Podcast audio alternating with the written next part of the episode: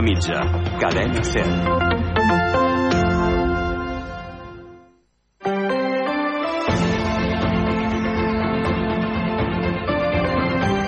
Hora L, Catalunya Central. Eli Pagant.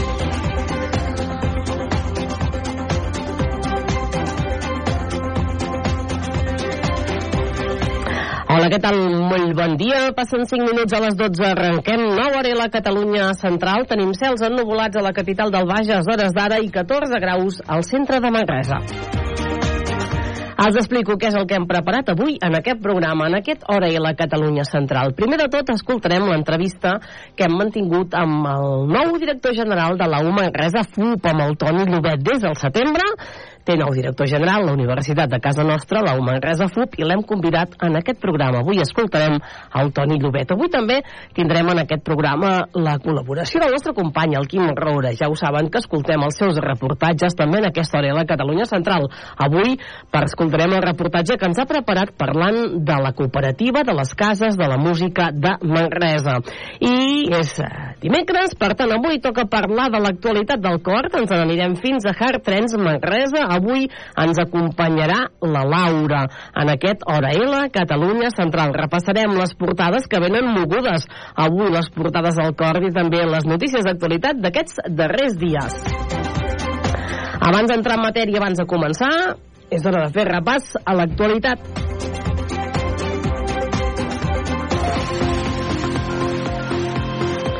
El Consell d'Acció Climàtica admet que quan es va redactar el pla de sequera no es contemplava que hi haguessin pistes de gel. En una entrevista a l'Aquí Catalunya amb Pablo Tallón a Ser Catalunya, el conseller ha dit que si quan es va fer el pla de sequera hi haguessin pensat, segur que avui estarien prohibides, però ara no tenen eines per prohibir-ho automàticament. Mascor també ha explicat als micròfons a Ser Catalunya que ha conversat amb diversos alcaldes preguntant-los si realment cal fer pistes de gel en el context actual. Recordem que a casa nostra en tenim una, de fet, aquí al costat, a casa nostra, Sant Domènec.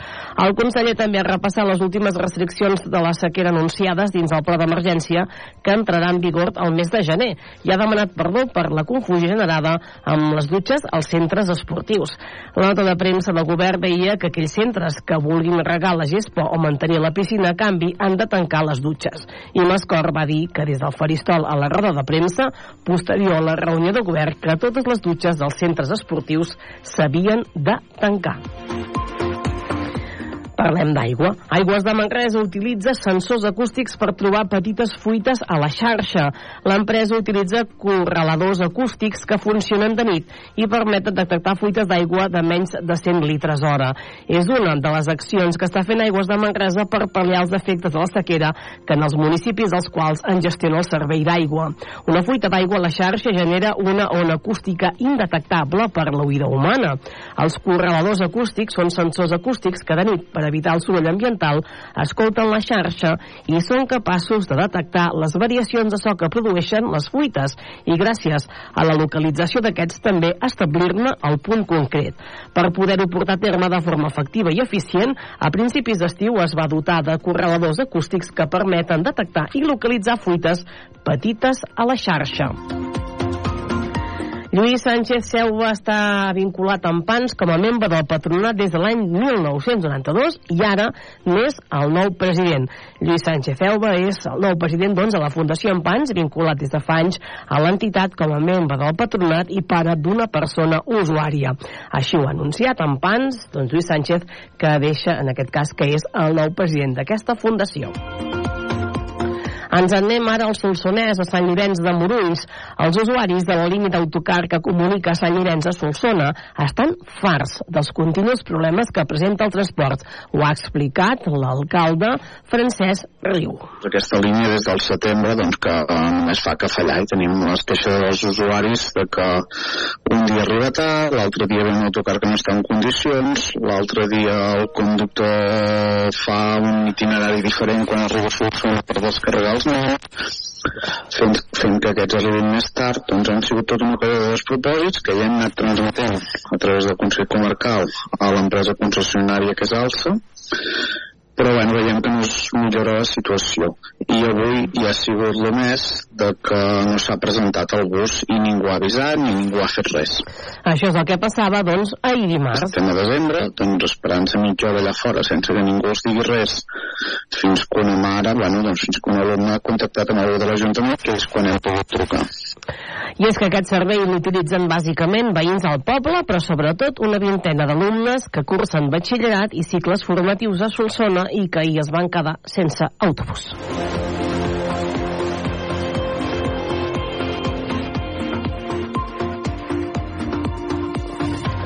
Ens anem ara, també no ens movem del Solsonès, però passem de Sant Llorenç de Morunys a Pinós, i és que aquest municipi busca gent per viure al poble i els hi facilita l'arribada i l'estada.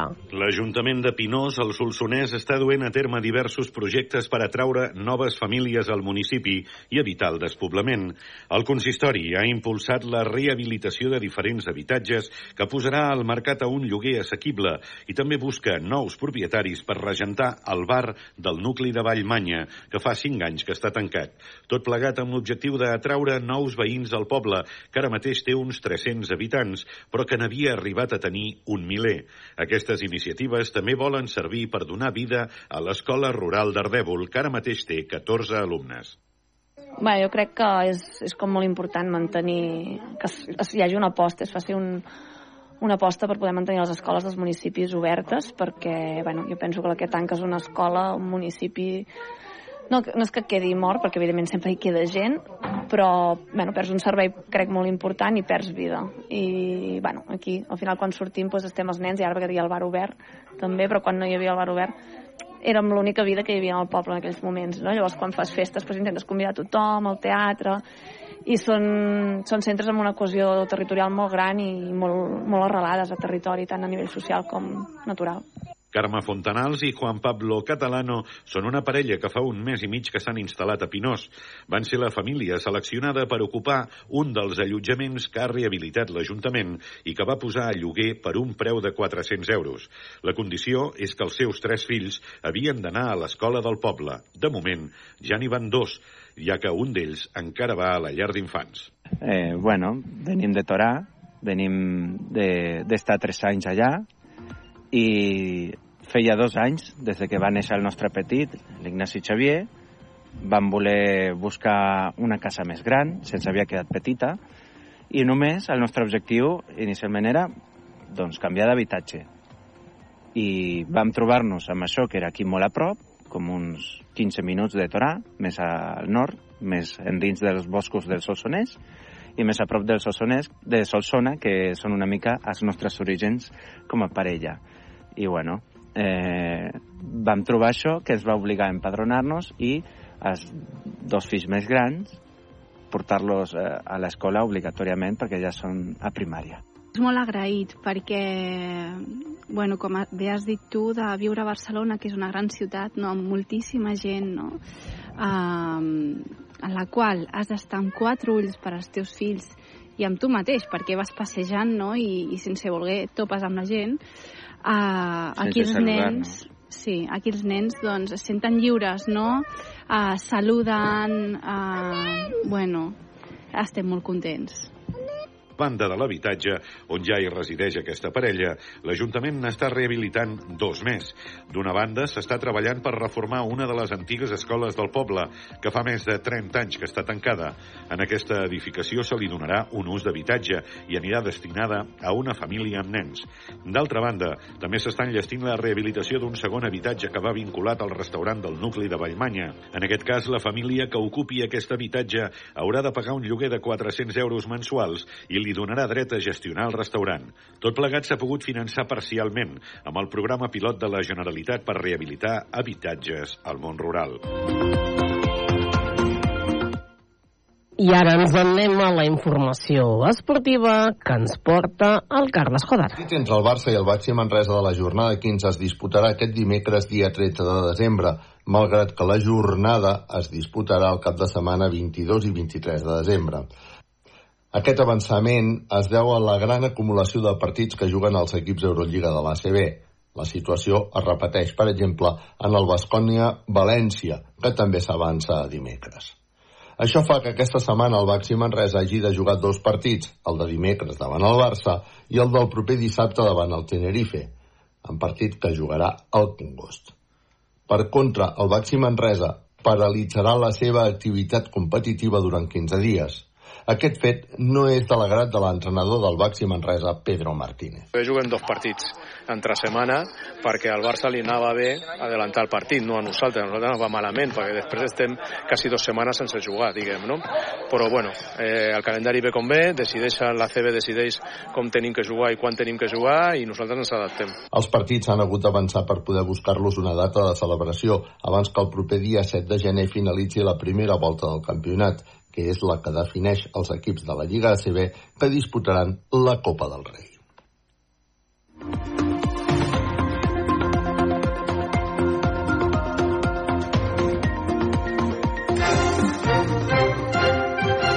Ens n'anem a les portades. Comencem, com sempre, amb el diari Regió 7 que explica en la seva edició digital que la restauració de Manresa tem pel perjudici de prohibir fumar a terrasses i que la Fiscalia investiga cobres il·legals al càmping de Berga i retreu que l'Ajuntament no actués. Un diari Regió 7 que també es fa ressò que l'hotel Solsoní La Freixera tornarà a obrir després d'estar tancat des del febrer. Anem fent repàs del Manresa i del Regió 7, ens n'anem a l'Equí Berguedà i després a l'Ació Digital Solsona. L'Equí Berguedà diu que l'arbre de Nadal de Vilada, un dels més populars i mediàtics de Catalunya, Catalunya i el Berguedà, hi ha molts arbres de mal, però pocs estan a l'altada, a l'alçada del de Vilada. Les garrafes tornaran a ser protagonistes aquest diumenge en la temporada nadalenca de Berga, que és sinònim d'aquestes costums i tradicions, i el concurs de garrafes organitzat per la farsa és un dels clàssics del Nadal. I el Noci Digital Solsona diu que el Solsonès acull una quinzena d'activitats dedicades a la marató.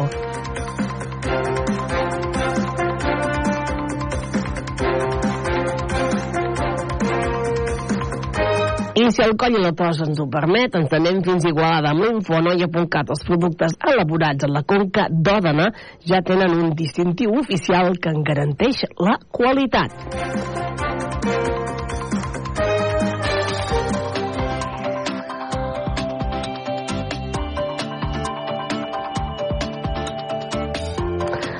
Dia, doncs, de núvols, de força núvols al matí, tindrem sol de cara a la tarda, això sí, pot quedar enteranyinat per núvols alts. Les màximes avui que més curtes i que vorejaran els 14 graus de temperatura a la Catalunya central.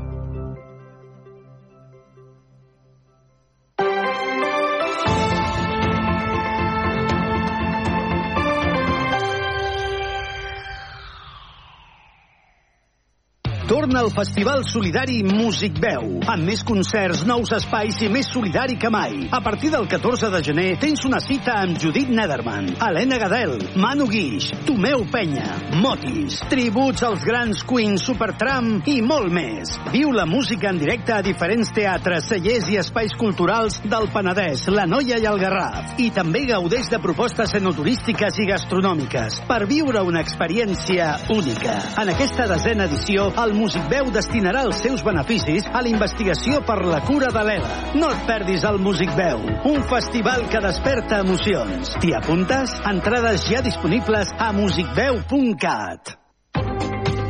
Hora L, Catalunya Central. Eli Pagant.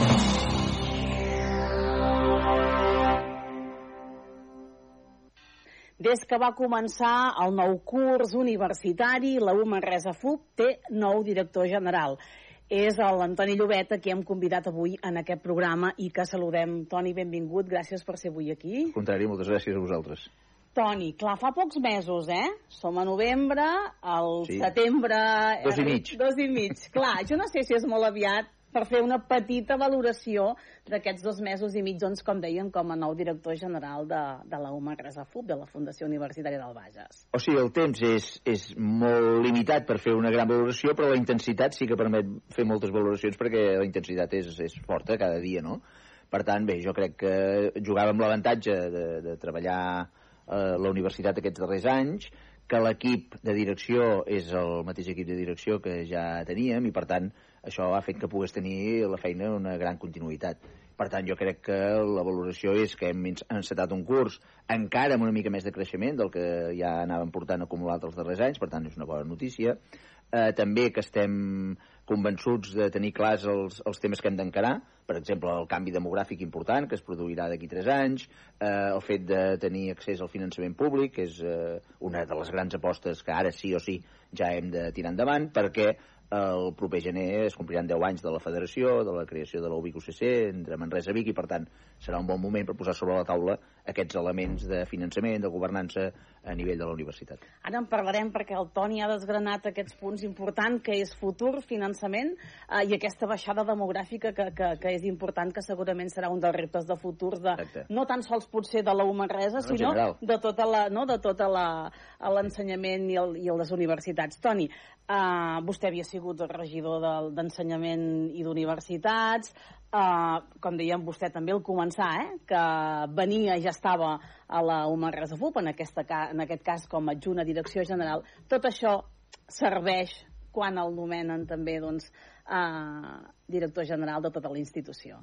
Sí, serveix. Eh, per la feina concreta de la direcció general serveix molt aquests darrers anys eh, ja treballant com a adjunt a la direcció general i per això que deia del desè aniversari de la federació serveix molt el pas per la regidoria eh, el, el mandat 2011-2015 perquè justament és en el mandat on es va tirar endavant eh, la federació entre les realitats universitàries de Vic i de Manresa. Per tant, això em dona un coneixement directe, no m'han d'explicar, diguéssim, eh, de com van anar les negociacions, de com, van, de com va sorgir aquesta federació, i per tant, això és molt important per poder encarar doncs, a partir d'ara el desè aniversari i com hem de fer les passes endavant. Evidentment, sí, és, és, és un ajut com s'arriba a ser director general, en aquest cas de la institució de la, de la Manresa? Toni, és a dir, algú proposa uh, el seu nom, en aquest cas el ser ja adjunt a la direcció general, potser això era uh, un pas, és a dir, ja era una continuïtat, es proposa nom, s'aprova, com va això, Toni? Per desconeixença, eh? No, eh, des del punt de vista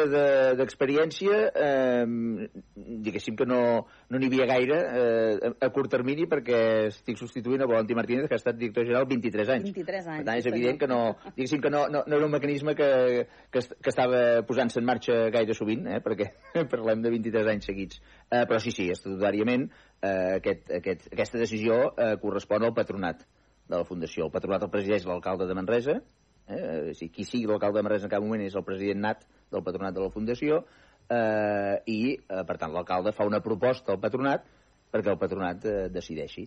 I per tant la, o sigui, no, no, no és una qüestió que el que era adjunt ha de ser el director general no, no, evidentment el funcionament estatutari és que el president del patronat que és l'alcalde de Manresa fa una proposta al patronat i el patronat eh, ha, de, ha de considerar si està d'acord o no amb la proposta i tot... en aquest cas la decisió va ser aquesta. I amb tot aquest bagatge, què sent vostè? Quan hi ha la proposta i quan hi ha l'aprovació, la, vostè és manresà, eh, en aquest cas doncs, ha ocupat, com dèiem, eh, aquesta mm. regidoria, també ha ocupat càrrecs de la Generalitat, també eh, en, en, en aquestes àrees d'ensenyament de, i arriba doncs, a, a presidir aquesta institució que és eh, tan manresana i tan important a casa nostra. Home, molta satisfacció per poder posar un granet de sorra en una institució que és molt de la ciutat, molt important per Manresa, pel conjunt del Bages, pel territori, per tant, evidentment, jo em considero molt d'aquí i, per tant, és, és, és una manera de poder contribuir a un projecte que és important. Eh, també molta responsabilitat, moltíssima, i sobretot mm, el que em va fer decidir clarament és que no m'ho vaig agafar com una decisió que se li deia concretament al Toni Llobet, no? És a dir, eh, jo crec que el que es va fer per part del patronat és fer un vot de confiança clar, a l'equip de direcció que ja hi havia a la, a la universitat. Això és molt important. És a dir, jo el que vaig fer és, va ser compartir, eh, un cop vaig conèixer la proposta, va ser compartir-ho amb tot l'equip de direcció per veure si realment tots compartíem que era una bona decisió eh, per poder tenir una certa continuïtat les persones que ja hi érem i per tant jo m'ho vaig agafar com això, com una ratificació a la manera de, de fer les coses, a la manera de treballar, eh, perquè no, en, to, en cap cas no m'ho hagués ni plantejat si hagués estat allò de com una persona absolutament externa eh, que em vinguessin a buscar per posar-m'hi. Per tant, jo entenia que si era una mostra de confiança a l'equip, i així se'n va dir per part de, de l'alcalde i del patronat, i l'equip també considerava que era una bona manera de continuar la feina, en aquests, en aquests dos casos, com que això, els dos casos es van complir, doncs per això em va semblar interessant assumir el repte. Què creu que hi aporta vostè? Jo crec que mm, el que puc aportar-hi és eh, una que no té cap mèrit per part meva, que és que és bo que les institucions pugui haver-hi eh, persones diverses que vagin assumint els diversos rols. Per tant, el fet d'haver-hi una substitució a la direcció general sempre pot ser un bon moment per replantejar com estan les coses. És a dir, fer una aturada, dir, ah, doncs mira, fins ara ho hem fet així, com estem, eh, què ens ha de passar a futur, allò que dèiem, no? què passarà els propers anys, demogràficament, eh, econòmicament... Eh, per tant, mm, és, és una bona manera perquè, forçosament, una persona que, que, que assumeix una responsabilitat d'aquesta s'ha de fer aquestes preguntes. Com que se les ha de fer, eh, això pot beneficiar el conjunt de la institució. Per tant, en aquest cas no és per mèrit, sinó perquè em sembla que és una, una, una possibilitat que qualsevol institució ha de tenir eh, de tant en tant. No? Eh, I des del punt de vista més personal, jo crec que simplement hi puc aportar que ja se'm coneix dintre la institució, per tant, no, no, difícilment enganyaré ningú. És a dir, ja, ja, ja saben com sóc, com em moc, eh, que, que, que, que m'inquieta, que em neguiteja, que m'apassiona. Eh, per tant, no, vaja, sóc com sóc i per tant ja, ja, ja em coneixen i així seguiré sent. Eh, I per altra banda, el que deia, eh, no només el coneixement intern de la institució, sinó el coneixement de com es va eh, tirar endavant tot el tema de la federació universitària. Jo crec que això també és un element que hi puc aportar perquè segurament els diversos actors de la federació universitària pràcticament tots són nous, evidentment, perquè han passat ja 10 mm -hmm. anys, eh, i en canvi jo segurament no, dels, de, de la gent que està doncs, al rectorat, a, a, a, a la direcció general de, de, de les altres fundacions, doncs bé, segurament el que va participar en aquell moment directament de les negociacions segurament sóc jo el que quedo i per tant doncs, em sembla que hi puc aportar la visió de què va suposar eh, aquesta fita històrica. Quina és la feina del director general de la U Manresa FUT? Vostè parla no, d'aquest equip, no? d'aquest equip que ja funciona no? i de, des de fa temps, però la feina seva quina és? Coordinar totes aquestes persones, perquè sí, a banda és això, estem parlant d'una institució eh, amb, molta, amb molts projectes, amb molts temes oberts, i només, no només els graus, també tenim cicles formatius, eh, tot el que és no? eh, també màsters postgraus, tota aquesta educació que es fa. Sí, sí, no, i, i la recerca, I, i, i la preparació, Exacte. i la participació en projectes de ciutat, i, i la coordinació amb, amb les altres fundacions de la universitat, per tant, són moltes coses, però sí que és veritat que es podria entendre com una feina de coordinació, però a mi m'agrada més parlar com una feina de fer confiança als diversos equips, perquè realment s'ho mereixen, és a dir, la gent està molt compromesa, la gent, la gent treballa coneixent molt bé el projecte i coneixent molt bé eh, que la manera d'aconseguir eh, els objectius que ens proposem és implicant-s'hi i, i considerant-se'n còmplices i, per tant, eh, fer confiança a aquestes persones, eh, tant els que estan al davant dels equips com totes les persones dels diversos equips. Eh, per tant, eh, això, per exemple, no, per mi es tradueix en,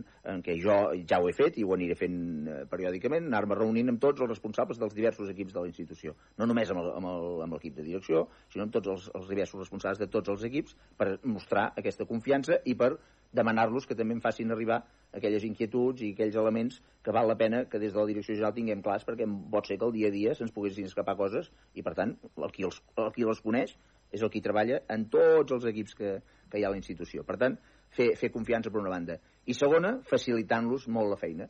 I per mi facilitar la feina vol dir aconseguir aquelles coses que sí que em toquen a mi conjuntament amb el patronat i conjuntament amb la presidència tant, tant del patronat del comitè executiu, no? que són l'alcalde i el regidor uh -huh. responsable de l'àrea eh, d'universitats, eh, per poder treballar conjuntament els elements que tinguin a veure amb àmbits institucionals. És a dir, amb les relacions amb la Fundació Universitària Balmes i amb les altres fundacions, per exemple, amb la Fundació titular de la, de la Facultat de Medicina, que va néixer fruit de l'acord entre Manresa i Vic, de la Fundació Elisava, que és a Barcelona, però també les relacions amb el Departament de Recerca i Universitats de la Generalitat. Tot això és el que jo he d'intentar treballar juntament amb l'Ajuntament per poder teixir aquestes complicitats necessàries mm, per poder això, per poder accedir al suport públic explícit eh, a, a través del finançament, però també el reconeixement de la feina que estem fent i, per tant, de garantir la continuïtat dels estudis que, que estem fent, de possibilitar-ne de nous, com per exemple aquest curs, no? entre, entre, els, entre nosaltres directament i,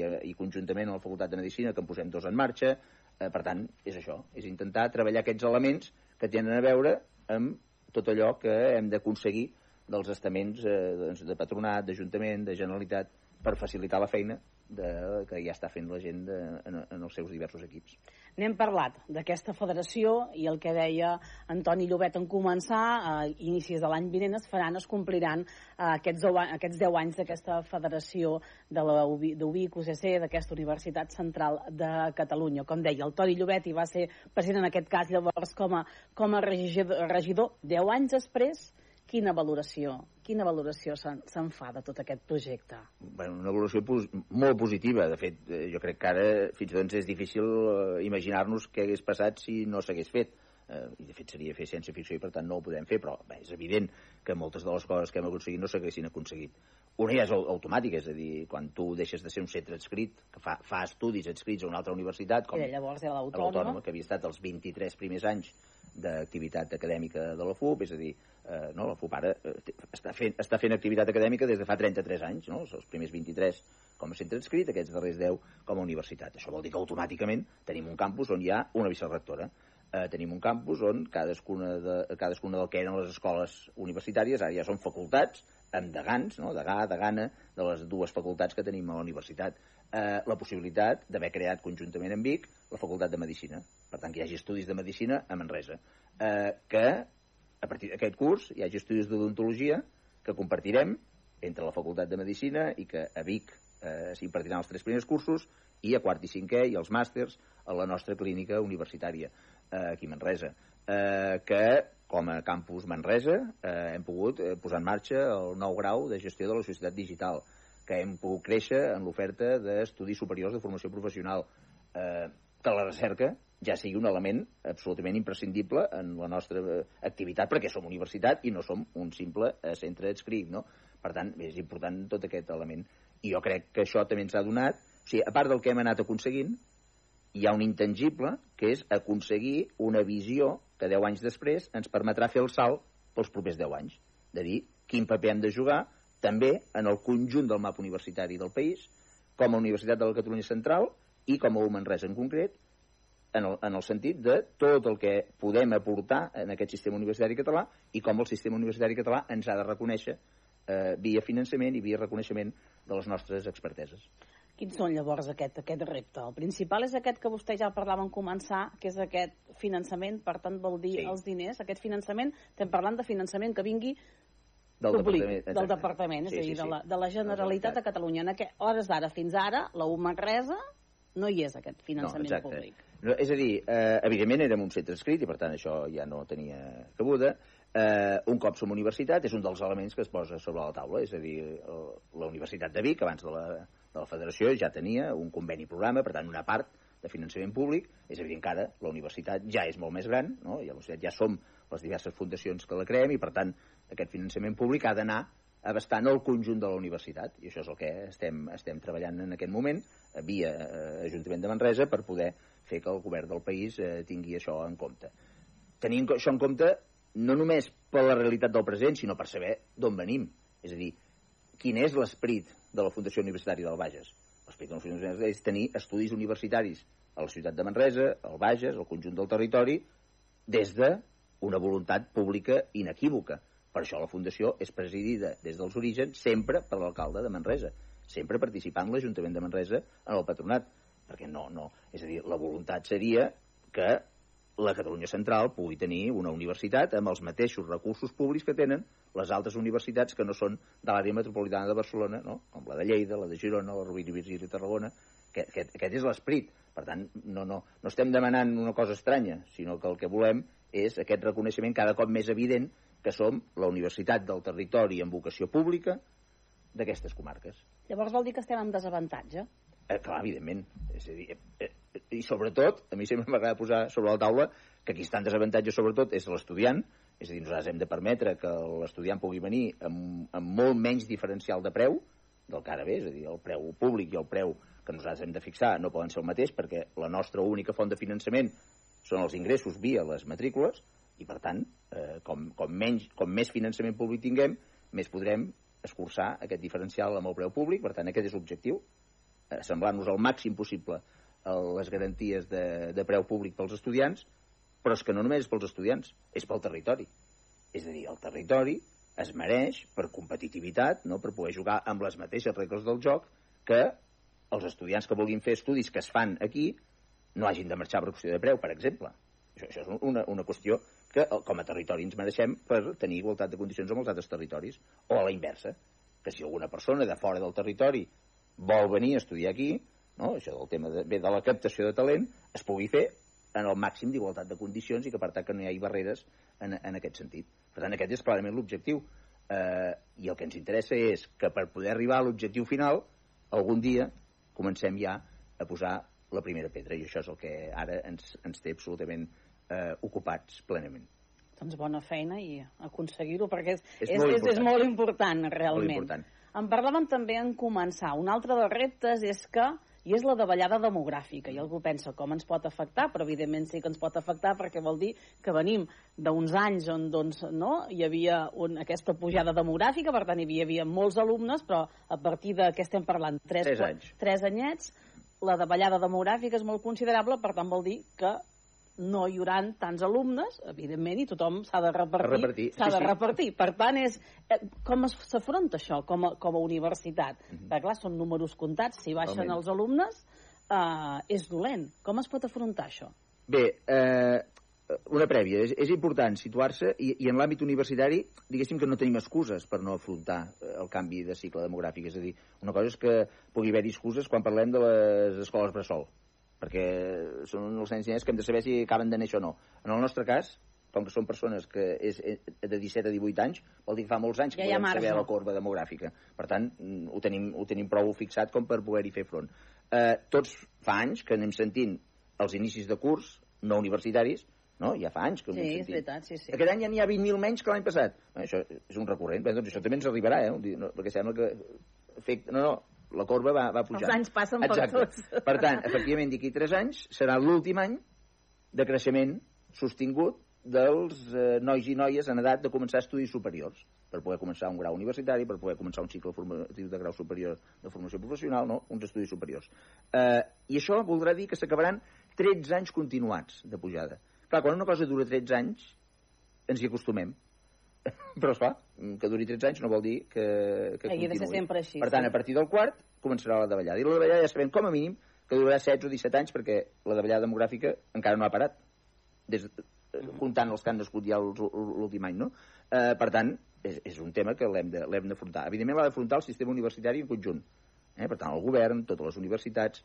Eh, llavors, com a universitat concreta, què hem de fer? Una, evidentment, és com a mínim eh, intentar jugar amb el màxim de millors garanties de les que tenim ara, i per tant el tema del finançament torna a ser necessari també en aquest escenari. Eh? A part del tema de justícia, de tot el que deia abans, també per aquest escenari ens és necessari, perquè en un escenari d'aquesta dificultat, si encara es manté la diferència o s'eixamplés, en, en quant a accessos, eh, preus i tal, doncs evidentment seria encara molt més problemàtic en un, en un escenari de davallada i per tant de menys persones eh, a repartir-se no, en, en les diverses universitats. Però hi ha altres coses a fer. Altres coses que, volen dir diversificar l'oferta. El que dèiem, aquest curs comencem un grau nou, gestió de la societat digital. En comencem un conjuntament amb la Facultat de Medicina d'Odontologia. Si tu amplies l'oferta, vol dir que tot i que el conjunt de joves que, que, que han d'ingressar als estudis universitaris és inferior, evidentment, si tu ofereixes més estudis, tens la possibilitat d'atenuar una part d'aquesta reducció. Perquè potser a cada un dels estudis no podràs mantenir els creixements il·limitadament, però en canvi pots aconseguir que es compensi amb l'entrada a graus que no existien. Aquesta és una. L'altra, l'aposta que estem fent ja forta eh, des de fa anys pel tema de la formació professional i la universitat. Els cicles formatius. Exacte. És a dir, el fet d'oferir cicles formatius no només directament, sinó els acords amb els centres que fan formació professional per intentar eh, donar també a aquests estudiants mm, millors avantatges, millors garanties que puguin eh, també tenir la doble titulació, tant de la formació professional superior com d'un grau universitari. Això cada cop passa més. Per tant, això que ja està passant cada cop més, intentar oferir-ho amb el màxim de garanties possibles. És a dir, que realment l'estudiant vegi que mm, li val la pena les condicions de convalidacions, les condicions de, de, de, de compatibilització per, per qüestions d'organització horària, d'organització de continguts, eh, per tant, de passarel·les eh, ben, ben, ben estructurades, no? que, que, que tingui molt sentit eh, aquesta doble titulació, que estigui ben organitzada, eh, evidentment, tot el creixement de la formació contínua.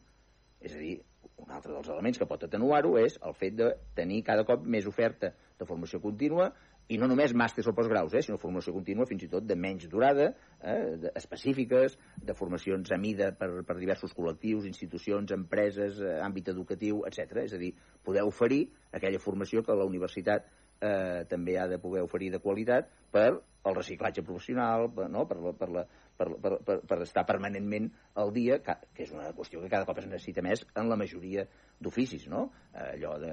Vaig, vaig quatre anys a la universitat, amb títol, i acabat. Vull dir, això ja s'ha acabat, això el rector el nostre rector sempre ho diu eh, d'una manera molt clara, molt gràfica, és a dir, eh, no, els diu sempre, no, quan hi ha les graduacions, em sap greu dir-vos que no us acomiadem perquè és evident que heu de continuar formant-vos, no? Eh, doncs això, aquest és un altre element que, si el treballem bé, també pot ajudar a atenuar la davallada de l'edat d'entrada, perquè aquesta és una entrada la formació contínua de totes les edats, és a dir, tot, totes les persones que ja poden eh, tenir un, una formació universitària prèvia, que estan exercint professionalment, però que necessiten anar-se posant al dia, anar-se actualitzant, etc. Per tant, és tenir en compte tots aquests elements perquè puguem fer front a aquesta, aquesta, aquesta realitat eh, que, no, que no podem maquillar de la, del canvi de cicle demogràfic. Fa pocs dies, fa poques setmanes, eh, es presentaven les dades d'aquest curs, les dades de, de la UBIC Universitat Central de Catalunya, en general, no?, de matriculacions. Bones dades? Molt bones, molt bones. De fet, clar, com a conjunt de la universitat, aquest és un altre dels fruits que abans, per exemple, no he comentat, és a dir, més enllà del que aconseguim eh, concretament a partir de la Federació entre Manresa i Vic, un altre element molt important és que això fa que la massa crítica de la universitat ja permeti situar-nos dintre del marge de les universitats mitjanes del país. Per tant, nosaltres, eh, aquest curs, és a dir, l'UBIC-UCC té 12.700 estudiants d'estudis de, oficials, eh, que vol dir que ja està, doncs això, eh, eh, juga a la mateixa lliga que la Universitat de Lleida, la de Girona, la Rovira de Tarragona, per tant, les altres universitats territorials eh, del, del territori, cosa que, per separat, mai no podríem aconseguir. Per tant, és, una, és, és, és un dels elements clars que evidencia la necessitat d'haver actuat com es va actuar eh, ara fa 10 anys. No? Eh, per tant, les dades són molt bones i en el cas de Manresa doncs, eh, hem, hem aconseguit passar de 2.300 estudiants d'estudis superiors oficials, eh, això és una xifra importantíssima, només en graus universitaris ja estem eh, als 2.100, eh, jo encara recordo que l'any passat eh, hem arribat ja als 2.000, bueno, doncs ara ja són 2.100, passat, eh? eh, més a més ja tenim gairebé 200 estudiants de formació professional superior, eh, més els màsters oficials, vol dir això, més de 2.300 d'estudis oficials, als quals després sumarem tot el que anem fent del curs de la formació contínua i, per tant, dels estudis eh, no oficials. Moltes aliances, també. Estic pensant en Llatinoamèrica, perquè diu, algú pot pensar, ui, Llatinoamèrica? Sí, de sí, fet, sí, sí eh? Llatinoamèrica.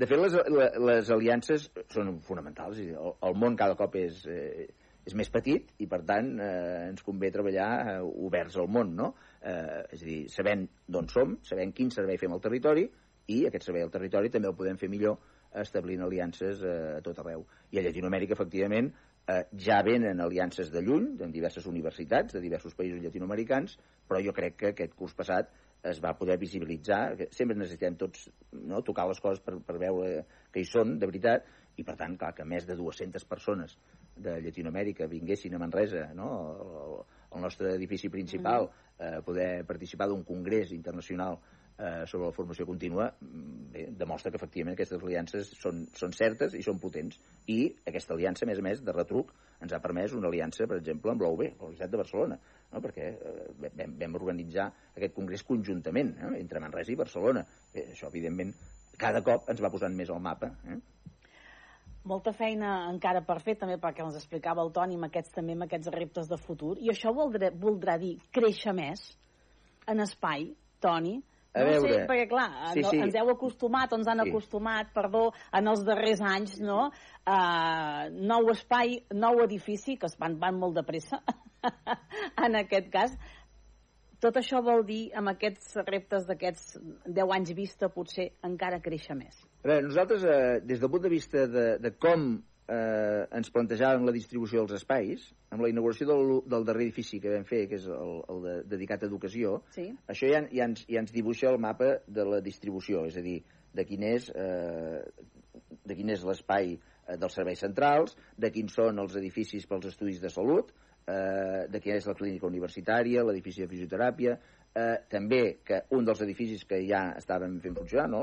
la, la de la plaça Bages, és per empresa i aquest nou per educació. Per tant, salut, empresa, educació, eh, ja tenim eh? els edificis, eh, això que volíem, no? Per tenir-ho en compte, per visibilitzar-los tots, és a dir, que, que veiéssim clarament que són tres àmbits d'expertesa, i perquè eh, aquests, aquests àmbits eh, incloguin les sinergies necessàries entre els estudis tant de grau com de formació professional superior, com d'altres serveis eh, que, que s'ofereixen, no? L'educació és una evidència, és a dir, perquè a part de fer un grau, un cicle, però a més a més hi ha el tema del LAB 06, mm. però hi ha també l'escola Bressol eh, que hem pogut obrir, per tant, és a dir, que cada àmbit eh, no, pugui tenir visible d'una manera clara eh, tots aquells serveis que, serveis que ofereixen.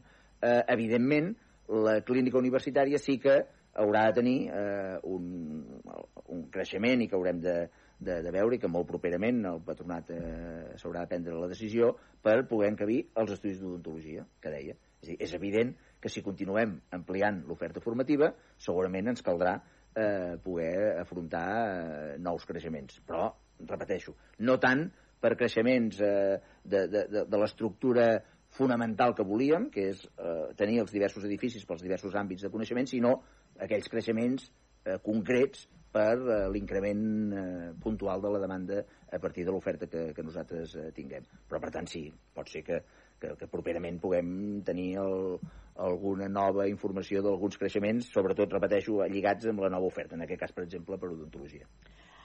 Li agraïm molt que avui ens hagi volgut acompanyar. Moltes gràcies. A seguir treballant. Moltes gràcies a vosaltres i ja ens ho anirem explicant. Que vagi tot molt bé. Adéu-siau.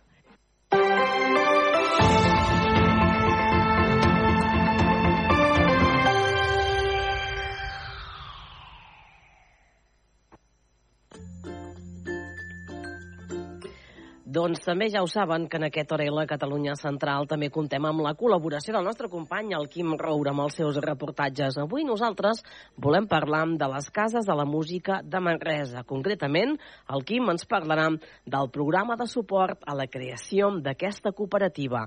Les cases de la música. Endavant, Quim. La cooperativa musical Cases de la Música dona cada any a la Catalunya Central 23 beques per ajudar a desenvolupar la carrera musical de les bandes emergents de la Catalunya Central. Bernat, som a l'estudi de gravació de Cases de la Música de Manresa i tu ets el coordinador d'aquestes beques eh, que impulseu des d'aquesta entitat des de ja fa temps. Correcte, nosaltres aquí estem fent tota la campanya aquesta de beques que són les Joses de la Creació, que fem cada any, vam començar ja farà més de 5 anys diria. Les beques és poder fer el boost a, a les bandes, sempre que fem bandes emergents, que significa que tenen tres, eh, tres discs editats o menys, i és això, els estem ofertant des d'enregistraments, videoclips, ajudes a la producció, tot això intentem que l'aprenentatge que tenen les bandes sigui com cada cop més ràpid. I un dels grups que va aconseguir ara fa un temps una d'aquestes beques de Cases de la Música és el grup Amor en Júpiter. Uh, Berta, um, quina beca us va tocar a vosaltres? La d'enregistrament, em sembla. Sí, va ser la... Bueno, dintre del programa de suport de creació de Cases de la Música va ser la beca d'enregistrament. En què consisteix aquesta beca? Què, què vau poder fer? Amb aquesta beca, bueno, penso que el que és més important d'aquesta beca sobretot és el fet de quan ets sobretot una banda emergent, que no has fet bolo suficient ni tens un recorregut suficient com per tenir aquesta part econòmica, perquè possiblement un EP, ara parlem d'un EP, eh? simplement, no d'un àlbum.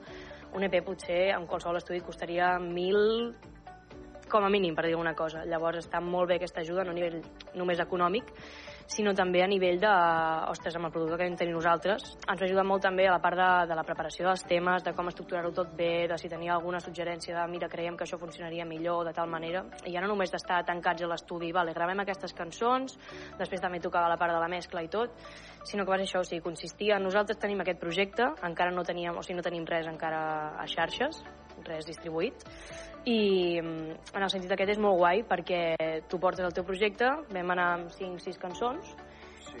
i vam dir, vale, doncs ens agradaria molt registrar això, que fossin bateries reals, veus reals, perquè tenim les maquetes fetes amb, amb l'ordinador i volíem passar-ho a realitat per poder-ho llançar.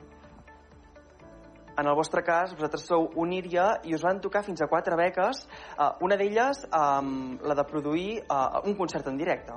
Sí, um, un cop ja vam fer com tota la gravació, vam fer com ja la preparació del, del directe, no? Primer vam fer un concert, que va ser la beca quilòmetre zero, vam fer un concert a i enllaçant-ho ja com en, en poder ensenyar el nostre producte, el nostre primer àlbum que es diu El Refugi, vam fer doncs, aquesta beca de producció de l'estatge en directe. Vam tenir una persona que ens va ajudar doncs, a, a saber estar dalt d'un escenari, a moure'ns, a tenir una mica més de vincle, a jugar i interactuar entre nosaltres. Néstor, en quin moment esteu? Perquè entenc que aquestes beques us han ajudat. No sé en quin estadi esteu de la vostra carrera discogràfica. Doncs just aquest any vam presentar el primer àlbum, va ser al març. Aleshores estem en el moment en què ja hem presentat, ens hem presentat al món i ara volem tocar en directe, no? Dir, vale, tenim aquesta proposta, anem a ensenyar-la. Aleshores, ja aquest estiu vam fer la primera com gira presentació, com una mica un àmbit així més local, i ara estem preparant per un 2024 de seguir rodant, seguir fent concerts, sobretot per agafar experiència, anar aprenent això, com deia la Maria, el que ens va ensenyar a l'stage, a estar dalt de l'escenari, a saber com connectar amb el públic, i tot per un futur així una mica més llunyà, ja diem 2025, com volem intentar fer un segon treball amb tota aquesta experiència acumulada i ja com amb, tot, més professionalitat, diguem. Dida, que en el cas del teu grup, eh, les beques de les cases de la música us van ajudar eh, per poder fer eh, concerts en directe. Sí, eh, sí, perquè era una de les coses que a vegades costa d'accedir si ets una banda emergent, perquè els dos llocs de directe són el Mercat de la Música de, de Viva de Vic i la Fira Mediterrània aquí a Manresa, que són dos llocs que té un punt de viralitat gran, que costa accedir-hi si no està darrere d'algú que està posat a la indústria i que a través d'una beca de cases de la música doncs, tens, tens, t'obren una porta per, per estar en un aparador gran important. I quina és la vostra situació? Us, us ha servit aquesta beca? Sí, sí, tant. A veure, totes serveixen, moltes de forma directa, si vas enregistrar o, o, o produir el directe, per exemple, que també ho havíem fet. Clar, això és un, un notes directe perquè t'estan donant uns recursos que tu no tens. Potser és més indirecte perquè al final tu vas allà, toques un dia i ja està, però eh, el que et deia, no? allà a Vic hi ha molta gent del sector i de la indústria que, que et va poder veure o conèixer i ens ha fet o posicionar una mica o establir alguns vincles que, que potser no haguéssim arribat si no haguéssim tocat aquests llocs. Gràcies, Quim, i fins la propera.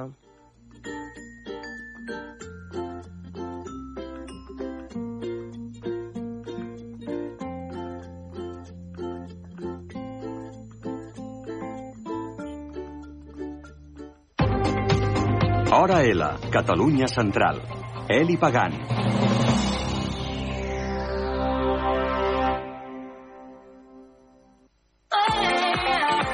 High Trends Manresa, carrer Girona 30, 93 874 89 63.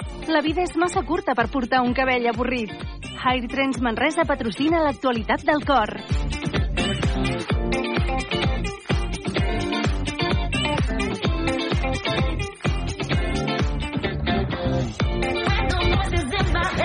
Vuit minuts per arribar a la una del migdia i avui nosaltres ens anem a Hertrens Manresa com fem, com fem tots els dimecres a aquesta hora i avui donem la benvinguda a la Laura. Laura, què tal? Com estem? Bones. Hola, la, la Laura avui debuta, ens debutarà també, a dir, afegim una nova col·laboradora a l'actualitat del cor dels dimecres, que és la Laura. Què tal, com estàs? Molt bé, a tope. A tope? Molt bé.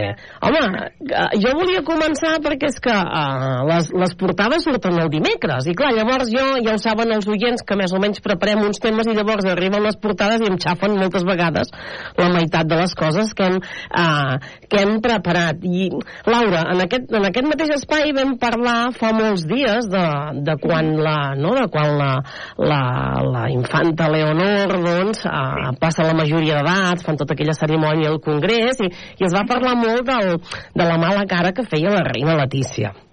No, ah, es va dir que, que havia tingut una indisposició a la nit i que per això no s'havia trobat bé.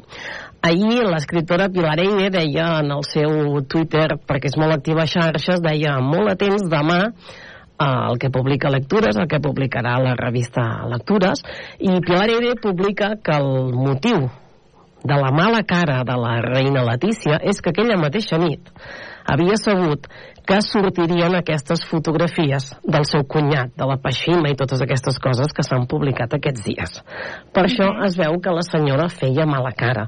La revista també parla que aquest tema d'aquí. De fet, és una fotografia no?, que va filtrar, sembla ser, no?, el cunyat de la reina Letícia, l'exhome de, la seva, de la seva germana, com si haguessin tingut una relació. Exacte, sí, se n'han sortit a, a molts llocs, de fet. Exacte, han sortit a molts llocs. A veure, Laura, aquí pocs. Aquí a Espanya. L'estat espanyol ha sortit pocs. Però es veu que Uh, sí que hem de tenir, hem de tenir present que a la resta d'Europa, especialment per exemple a la Gran Bretanya, hi ha diaris molt sensacionalistes que aquí no tenim, uh, podríem dir-ho així, i aquesta... Suposo que aquí també ho controlen més. Exacte. I la premsa internacional sí que s'ha fet molt ressò, es veu, d'aquestes uh, d'aquesta notícia. Uh, fa dies que es veu que la reina no surt, fa dies que també diuen que la reina està molt enfadada en relació uh, en relació a aquest tema. Suposo potser perquè uh, és una senyora pel que sembla força o pel que ens, ens vol ensenyar explicar no, molt, molt controladora i això no deu volgut haver no deu pogut controlar de cap de les de les, uh, de les maneres. Uh, no doncs, es pot controlar tot. Exacte, uh, això sí que és veritat. Però mira, ara sabem, o sembla ser que l'enfado, la mala cara que feia l'enfadamenta que tenia la reina era perquè li havien dit home, també és mala baba o és mala d'això és que el dia que la teva filla no, té la posada aquesta dels 18 anys et diguin no mira, et truquin que sàpigues que ara tenen unes fotografies del teu excunyat dient que vas tenir un liu amb ell que també dius, home, déu nhi eh, si, si realment van esperar home, que... sí, persona, si, si pensem que aquestes persones són persones, perquè al final són persones, també han de reaccionar d'X manera, però també les preparen per, per, per aquestes coses, per reaccionar de tota la manera millor possible. Ja, però ostres, que, clar, però unes filtracions d'aquestes, clar, és que més estàs pensant, estem parlant de la Casa Reial, que aquí és el que deia també, no?, la Laura, que tenim una mica així com amb cotonets, eh?, segons què no es pot sortir. Bueno, de fet, amb tot el que ha passat amb el rei emèrit han sortit moltes coses, eh?, però clar, ah, però fins ara tot això estava molt, molt, els tenim molts entre coixinets i ara doncs van sortint ah, moltes, ah, moltes cosetes i ara és això, a més a més suposo que com que hi ha hagut també el del Dinamarca i la, no, aquest suposat afer del príncep de Dinamarca amb la... Ah, ara no em surt el nom, amb aquella que havia estat amb el, caiet, amb el, amb el de la duquesa d'Alba, doncs ah, suposo que tot això la premsa internacional s'ha fet molt ressò dels possibles, possibles infidelitats, suposo, de les, de les reines i dels reis de la, sí, um, de la monarquia. Tot, tot, sí. tot surt. Ah, aquests dies també sortia, que això sí que ho vam parlar, que sembla doncs, que la fàbrica de la tele, que és aquesta productora de televisió que feia tots aquests programes de, no com Sálvame, que l'ha perdut, però també feia doncs, ah, d'altres programes doncs, que sembla doncs, que sí que han tancat, trencat relacions completament amb Mediaset, els programes els queda Mediaset i aquesta productora, que havia sigut una de les més importants del estat espanyol pel que fa a continguts de televisió, podríem dir-ho així, de la part del cort, es queda a zero, sense res. Sí. Home, havia de patar d'alguna manera o altra, eh? també he d'opinar. O sigui, ho estaven abarcant amb, amb tot.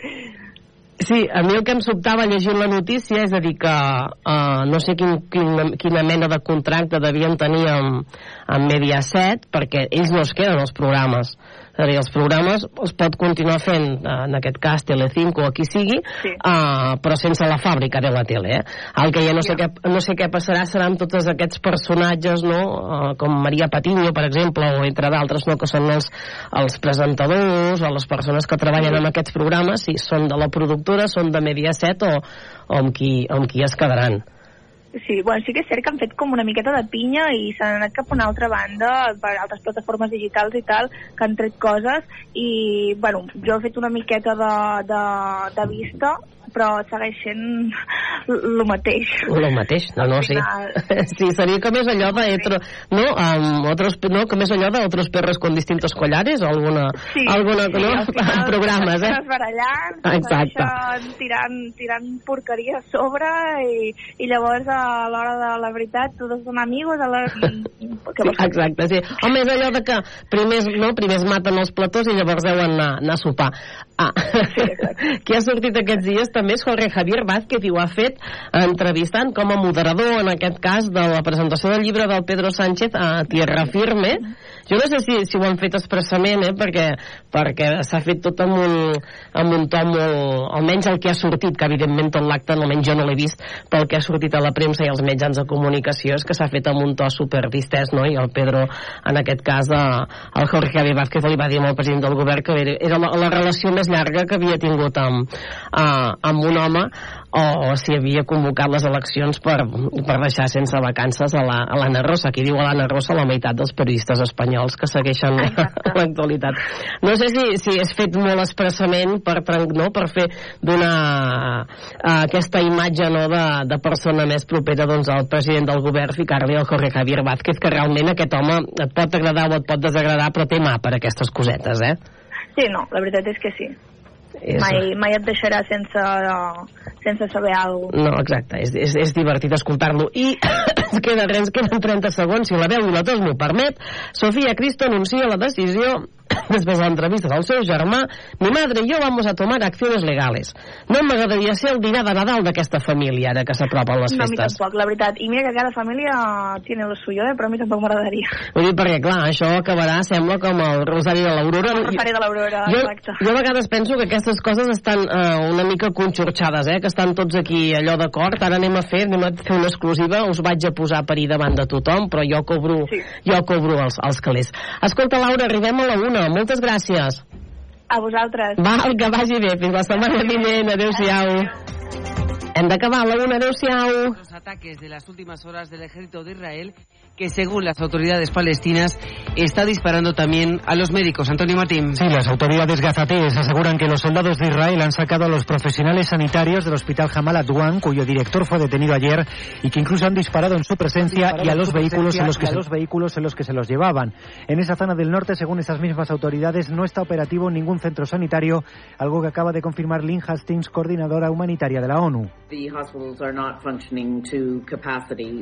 Quien ha contado a los periodistas que los hospitales no tienen capacidad de funcionar y que los pacientes han sido dejados a su suerte en algunos casos. Israel, por su parte, ha seguido con su ofensiva a pesar de la petición de alto el fuego de anoche de la Asamblea de Naciones Unidas. En el Parlamento Europeo, el presidente Pedro Sánchez ha cerrado el debate para analizar los seis meses de presidencia de turno de España. En clave nacional ha defendido el diálogo con Cataluña y le ha pedido al PP europeo, a su líder Manfred Weber, que rompa los pactos con la ultraderecha en España. En Estrasburgo está la corresponsal de la SER, Beatriz Ríos. Buenas tardes. Hola, buenas tardes. Y otra vez un debate bronco en un hemiciclo prácticamente vacío y otra vez un debate dominado por los eurodiputados españoles y centrado en cuestiones de política nacional y en particular con ataques a Sánchez por el adelanto electoral y la ley de amnistía. Pero dice el presidente que la verdadera amenaza a la que se enfrenta Europa es la ultraderecha y con la connivencia de la derecha. Por eso el presidente ha cerrado el debate dirigiéndose directamente al líder